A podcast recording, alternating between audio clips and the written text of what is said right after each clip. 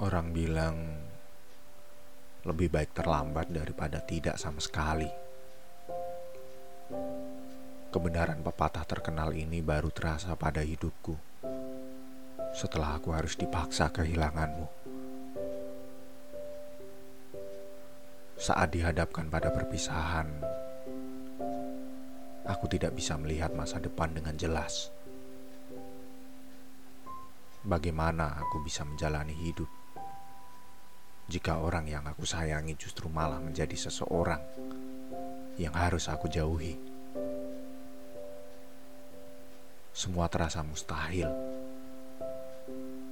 Aku merasa tidak bisa jika harus menghapus semua kenangan yang telah tercipta. Aku harus berjalan dengan susah payah jika salah satu yang menopang hidupku pada akhirnya memilih patah. Aku memang salah. Melupakan bukan soal menghapus apa yang sudah tertulis pada memori. Bukan juga soal menjalani hidup dengan menghilangkan ingatan indah yang pernah dilakukan.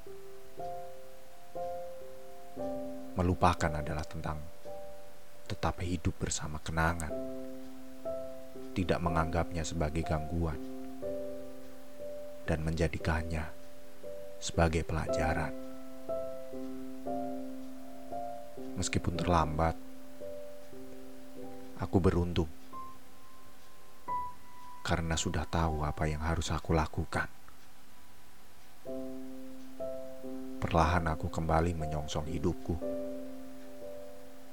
mencoba menggapai cita-cita yang sempat tertunda karena berbagai permasalahan yang disebabkan kita berdua.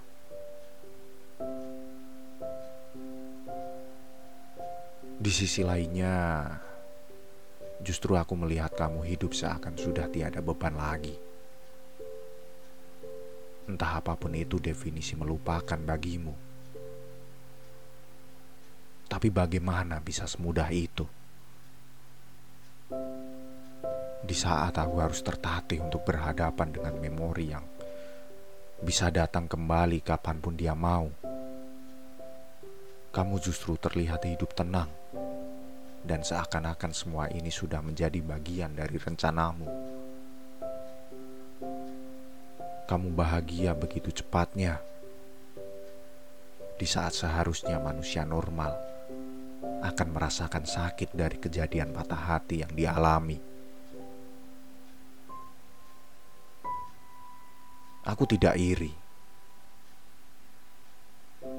Jika memang kamu bahagia, silakan melakukan apa maumu. Dan jika memang kamu pandai dalam hal melupakan, maka kamu adalah orang yang beruntung. Bisa menyembuhkan luka dengan cepatnya, atau malah tidak terluka sama sekali.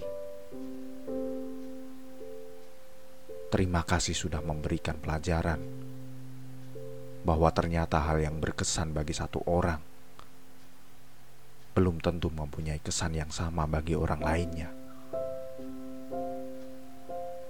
Iri kepadamu hanya semakin menghadirkan kembali memori masa lalu. Akan aku gunakan waktuku sebaik-baiknya, bukan untuk mengingatmu melainkan untuk melupakanmu.